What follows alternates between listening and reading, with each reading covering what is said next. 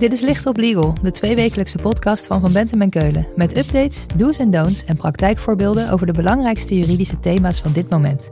Pragmatisch vertaald naar de impact op jouw organisatie. Gebracht door onze eigen experts. Je moet ook aangeven wat de redenen zijn als je je doelen niet hebt gehaald. En ook wat de redenen zijn als je bepaalde voorgenomen maatregelen niet hebt uitgevoerd. Dus in die zin is er minder vrijblijvendheid dan je wellicht zou denken. Op 1 januari is de wet evenwichtiger maken van de verhouding tussen het aantal mannen en vrouwen in het bestuur en de raad van commissarissen van grote naamloze en besloten vennootschappen in werking getreden.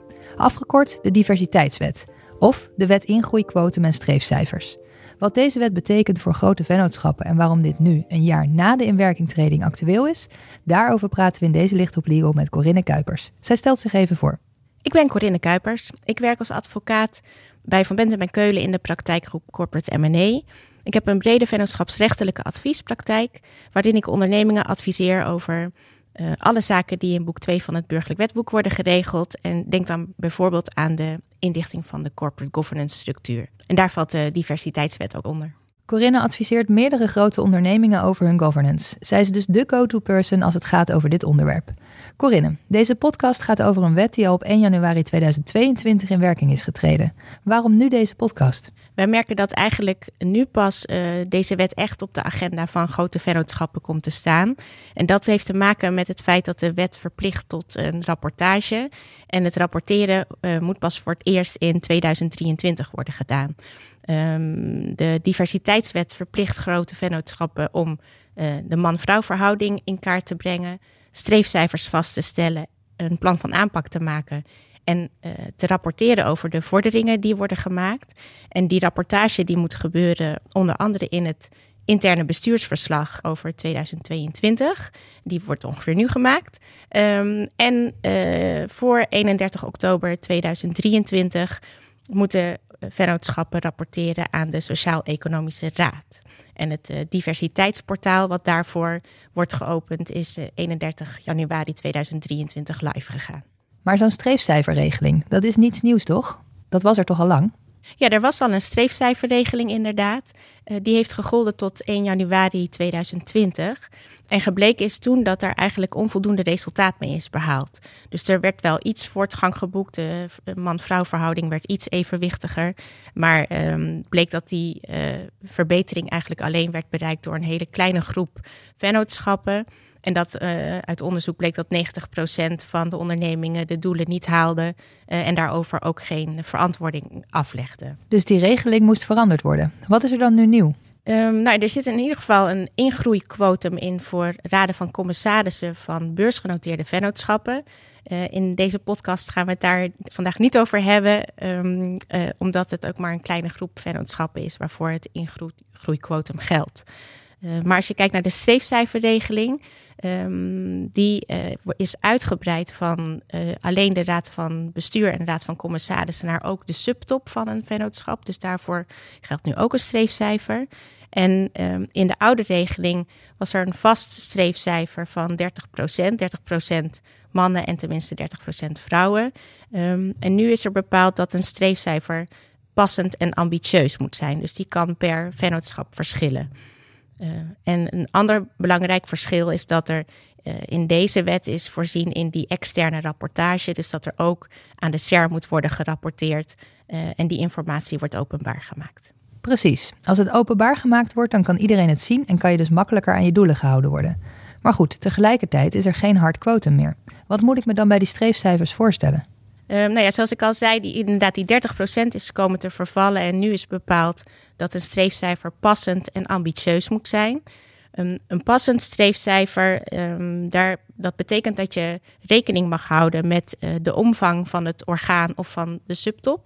Um, dat je rekening mag houden met de branche. Dus sommige branches zijn uh, erg gedomineerd door mannen, bijvoorbeeld de bouw. Uh, daar mag je rekening bij houden bij het vaststellen van je streefcijfer. En um, je mag ook rekening houden met de bestaande man-vrouw verhouding. Um, nou ja, daarnaast moet het streefcijfer ambitieus zijn. Uh, en dat betekent dat hij in ieder geval geen nul mag zijn. En dat hij dus altijd erop moet zijn gericht om de verhouding die, die bestaat evenwichtiger te maken. Ehm, en uh, je zou kunnen denken dat een streefcijfer dat dat vrijblijvend is. Uh, maar dat is niet zo, want je mag het niet naar beneden bijstellen. En als je het eenmaal hebt gehaald, uh, nou, dan moet je hem eigenlijk herijken en nieuwe doelen stellen. Dus het moet steeds een stapje hoger? ja, tot 50% zou je kunnen zeggen. Want het streefcijfer geldt zowel voor mannen en vrouwen. Dus als je um, 50% vrouw hebt in bijvoorbeeld je bestuur, dan je hoeft niet door te gaan tot 100%. Want dan zou je uh, een, eigenlijk ook een onevenwichtige samenstelling bereiken. Um, dus het gaat echt om, om het evenwicht. Er zijn dus wel kaders gegeven, maar niet meer die harde 30%. Het is iets losser. Je noemde al dat rekening gehouden kan worden met de branche waarin een bedrijf zit. Maar in door mannen gedomineerde branches, zoals de bouw, dan levert dit toch juist minder verplichtingen op. Want je hoeft maar een heel klein percentage te doen en dan is het al ambitieus. Ja, zo zou je het kunnen zien. Maar um, het is inderdaad wel zo. Het, het grootste verschil zal zijn dat, uh, dat je waarschijnlijk een lager streefcijfer hebt. in de bouw zou een streefcijfer van 20% bijvoorbeeld al heel ambitieus kunnen zijn. Terwijl in een uh, branche waar een meer evenwichtige samenstelling van het personeelsbestand is, um, je al snel op een hoger uh, percentage uit zou komen. En ik denk een ander verschil wat je zal zien is dat er waarschijnlijk in een branche die gedomineerd wordt door mannen, dat is bijvoorbeeld ook de IT, um, dat je eerder zal zien dat voor de subtop een wat hoger streefcijfer uh, wordt uh, gesteld. En uh, dat, dat, dat dat dan wordt gebruikt om een doorstroom te creëren naar de top. Dus dat in het begin de streefcijfers voor het bestuur en de raad van commissarissen wat lager zullen zijn. De norm is dus flexibel in aantallen, maar het gaat wel specifiek over genderdiversiteit. Maar diversiteit is toch veel meer dan gender? Is de focus op man-vrouw verhouding niet wat achterhaald? Ja, de focus eh, in de, de media, eigenlijk hoe het nu leeft, is inderdaad wel breder dan enkel man-vrouw verhouding. Maar de wet ziet daar niet op. Uh, het doel is echt de, de doorstroom van vrouwen naar de top bevorderen. En zorgen dat die, de tempo van de groei van het aandeel vrouwen vergroot. Um, als je kijkt naar de informatie die de SER biedt, uh, dan moedigt de SER wel aan om uh, diversiteit ook breder te trekken. Dus bijvoorbeeld ook te kijken naar culturele achtergrond, leeftijd, mensen met een beperking. en um, er zijn ook wel onderzoeken dat als je diversiteit breder trekt dan alleen de man-vrouw verhouding, dat het dan ook meer impact heeft. Maar deze wet beperkt zich dus tot de man-vrouw verhoudingen. En het gaat om grote vennootschappen. Even een stapje terug. Wanneer ben je ook alweer een grote vennootschap? Ja, je bent een grote vennootschap als je groot bent volgens de criteria van het jaarrekeningenrecht. Dus er is aansluiting gezocht bij het jaarrekeningenrecht. Um, en die criteria die zijn als volgt. Je moet aan twee van de drie criteria voldoen. Um, een waarde van de activa die meer bedraagt dan 20 miljoen. Een netto omzet die meer is dan 40 miljoen. En het gemiddeld aantal werknemers uh, moet 250 of meer zijn. En uh, in, op twee opvolgende balansdata moet je aan twee van de drie van die criteria voldoen om een grote vennootschap te zijn. Maar over het algemeen uh, weten uh, vennootschappen dat al natuurlijk omdat ze onder het jaarrekeningenrecht al vallen en dus die beoordeling al gemaakt hebben. Er zijn ongeveer 5000 grote vennootschappen in Nederland. En echt grote vennootschappen hebben vaak een groepstructuur. Hoe werkt het dan met die streefcijfers? Ja, daar heeft de wet wel in voorzien. En uh, er is eigenlijk een vrijstelling voor grote vennootschappen als binnen een groep is afgesproken dat de holding ook voor de andere uh, grote vennootschappen die deel uitmaken van de groep de streefcijfers vaststelt en daarover rapporteert. Dus als je daarvan gebruik maakt, uh, dan hoeven de grote vennootschappen lagen in de groep niet meer te rapporteren. Daar moeten ze wel de SER even over informeren. En wat moet je nou doen als bestuurder of bedrijfsjurist van zo'n grote vennootschap? Ja, de, wet die kent dus een aantal verplichtingen. Je begint eigenlijk met het in kaart brengen van de bestaande man-vrouw verhouding of genderverhouding ook wel genoemd. En die bepaal je in ieder geval aan het eind van het boekjaar. Vervolgens moet je je subtop definiëren, dus dat is de laag eigenlijk onder het bestuur, waar deze wet ook voor geldt. Eh, je moet de streefcijfers opstellen. Dus dat zijn die doelen, dat percentage wat je gaat stellen om te zorgen dat de samenstelling evenwichtiger wordt. Daarnaast moet je een plan van aanpak maken. Want eh, het blijft dus niet alleen bij het stellen van doelen, maar je moet ook nadenken over hoe je die doelen kunt bereiken. En daarover moet je verantwoording afleggen in je bestuursverslag en aan de SER. Duidelijk. Wat me opvalt is dat je al een aantal keer die subtop benoemt. Wat is dat precies? Is dat iedere floor manager? Nee, ja, dat is dus, uh, daar zijn ook wel vragen over gesteld bij de totstandkoming van deze wet. Of daar wat meer duidelijkheid over kan worden gegeven. En dat is eigenlijk niet gebeurd. Dus uh, de definitie is dat het categorieën werknemers zijn in leidinggevende posities. En uh, er is juist voor gekozen om die categorie open te laten, zodat voor iedere vennootschap uh, kan worden bepaald, uh, ja, maatwerk kan worden gemaakt van wie uh, zit er nou in een functie waarvan we verwachten dat die kan doorgroeien naar de top, dus naar het bestuur. dus je kan eigenlijk de subtop zien als de kweekvijver voor de top. En als voorbeelden, voorbeelden zijn wel gegeven um, dat een executive committee bijvoorbeeld een subtop is. Maar het kan ook de eerste of tweede managementlaag onder het bestuur zijn. Uh, en het doel is dus uh, om voor de subtop ook streefcijfers vast te stellen, zodat je eigenlijk een sneller, snellere doorstroom krijgt van mensen in het management naar het, de, de hoogste top in het bedrijf. Oké, okay, je zegt genderverhouding in kaart brengen, subtop definiëren, streefcijfers opstellen en een plan van aanpak maken. Dat is toch zo gedaan? Ja, nou ja, dat is het, het plan van aanpak. Dat heeft nog wel wat, wat om het lijf. Um, want je moet dus in, in ieder geval in kaart brengen hoe, het, hoe de bestaande genderverhouding is en kijken waar de uitdagingen liggen. En dat zal dus ook per branche verschillen. Um, daarnaast moet je beschrijven wat je al doet, dus wat je huidige strategie is. Uh, en je moet maatregelen definiëren die gericht zijn op het vergroten van de instroom, het vergroten van de doorstroom en het beperken van de uitstroom.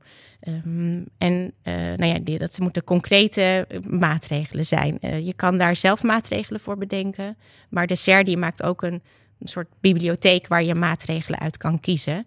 Um, en in de, de wetsgeschiedenis zijn er wel verschillende voorbeelden genoemd van waar je dan aan kan denken voor type maatregelen.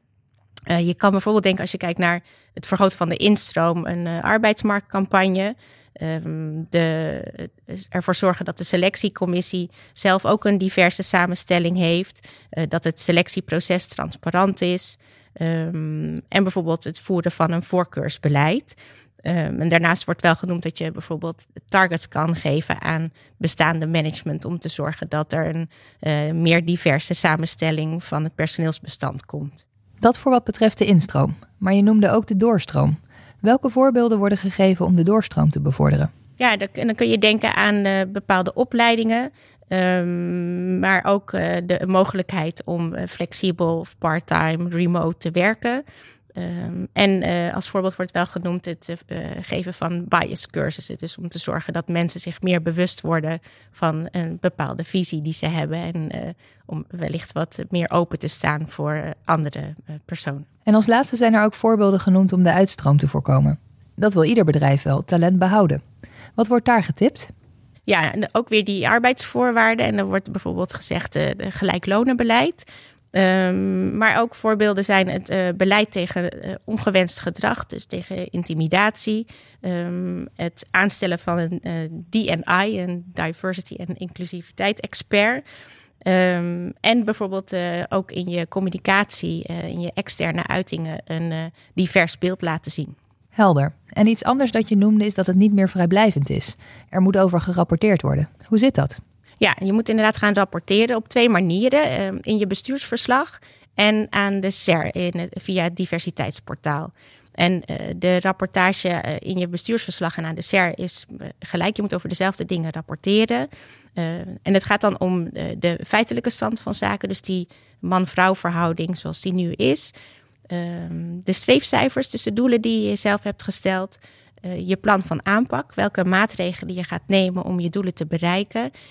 En, en dat is inderdaad waar, waardoor, waaruit ook blijkt dat het niet zo vrijblijvend is. Um, je moet ook aangeven wat de redenen zijn als je je doelen niet hebt gehaald. En ook wat de redenen zijn als je bepaalde voorgenomen maatregelen niet hebt uitgevoerd. Dus in die zin is er uh, wel ja, minder vrijblijvendheid dan je wellicht zou denken als je hoort dat het streefcijfers zijn. Nu is de vorige wet slecht nageleefd. De rapportageverplichting is natuurlijk bedoeld om de naleving te bevorderen. Zijn er ook sancties als je deze wet niet naleeft? Nou ja, in ieder geval niet zoiets als een boete. Uh, het is geen economisch delict als je je er niet aan houdt. Maar de wetgever heeft voor ogen dat er door de huidige regeling het eigenaarschap bij bedrijven uh, zal worden vergroot. Um, en je hebt die naming en shaming. En dat eigenaarschap zit vooral in het feit dat je dus via je bestuursverslag um, verantwoording moet afleggen. En de gedachte van de wetgever is dat daardoor bijvoorbeeld de algemene vergadering um, een bestuur ter verantwoording kan roepen als de doelen niet ambitieus genoeg zijn of als er de maatregelen niet worden nagekomen. Um, ook is er wel een rol weggelegd voor de ondernemingsraad, want die kan bij bijvoorbeeld het uitoefenen van een adviesrecht um, of het aandragen van een kandidaat voor het commissariaat uh, rekening houden met de streefcijfers. Um, en de accountant zal ook uh, meekijken naar de naleving, omdat dus die, de streefcijfers ook uh, terug moeten komen in het bestuursverslag. Dus de accountant zal hier ook een rol spelen. Dus op die manier wordt het eigenaarschap vergroot. En uh, de wetgever hoopt dat daardoor een grotere naleving zal zijn dan van de vorige wet. Um, en daarnaast heb je eigenlijk dus dat naming en shaming. Want um, je moet dus gaan rapporteren aan de SER in het diversiteitsportaal. En um, ieder jaar in november, dus na het sluiten van de rapportageperiode, zal de SER een openbare dataverkenner publiceren, waarin alle grote vennootschappen met naam en toenaam worden genoemd en waaruit dan zal blijken of een vennootschap heeft gerapporteerd en zo ja, wat die heeft gerapporteerd. Dus ieder jaar rond november kunnen we verwachten dat de kranten een overzicht geven van hoe bedrijven ervoor staan. Er is veel genoemd. Om af te sluiten, wat moet ik nou echt meenemen van deze podcast? Uh, je moet dus je man-vrouw verhouding in kaart brengen. En nu is dat in ieder geval voor het einde boekjaar 2021, einde boekjaar 2022. Um, ehm, als je nog geen definitie van je subtop hebt, moet je je subtop definiëren. Uh, in je bestuursverslag 2022 zal je mo moeten rapporteren over de genderverhouding, je streefcijfers, je plan van aanpak en in hoeverre je je doelen al hebt bereikt. Uh, en uiterlijk 31 oktober 2023 uh, moet je rapporteren aan de SER. Um, en als je overigens een afwijkend boekjaar hebt, dan moet je de SER even informeren, want dan kun je uitstel aanvragen voor het uh, rapporteren aan de SER. Um, en natuurlijk niet te vergeten, 2023 is begonnen. Uh, dus ook voor 2023 zal je weer moeten kijken of je streefcijfers nog steeds um, ambitieus en passend zijn. En of je plan van aanpak daar nog uh, goed op toegespitst is. Corinne, dankjewel. Als we meer willen weten, waar kunnen we dan terecht? Je kan me altijd mailen op corinnekuipers.vbk.nl of je kan me bellen. Mijn nummer vind je op de website. Dit was Licht op Legal, een podcast van Van Bentem en Keulen. Te beluisteren via Spotify, Apple Podcasts of je eigen favoriete podcast-app. Wil je meer weten? Heb je suggesties voor een onderwerp? Of wil je dat onze experts hun licht laten schijnen op jouw juridisch vraagstuk? Laat het ons weten via vbk.nl/slash lichtoplegal.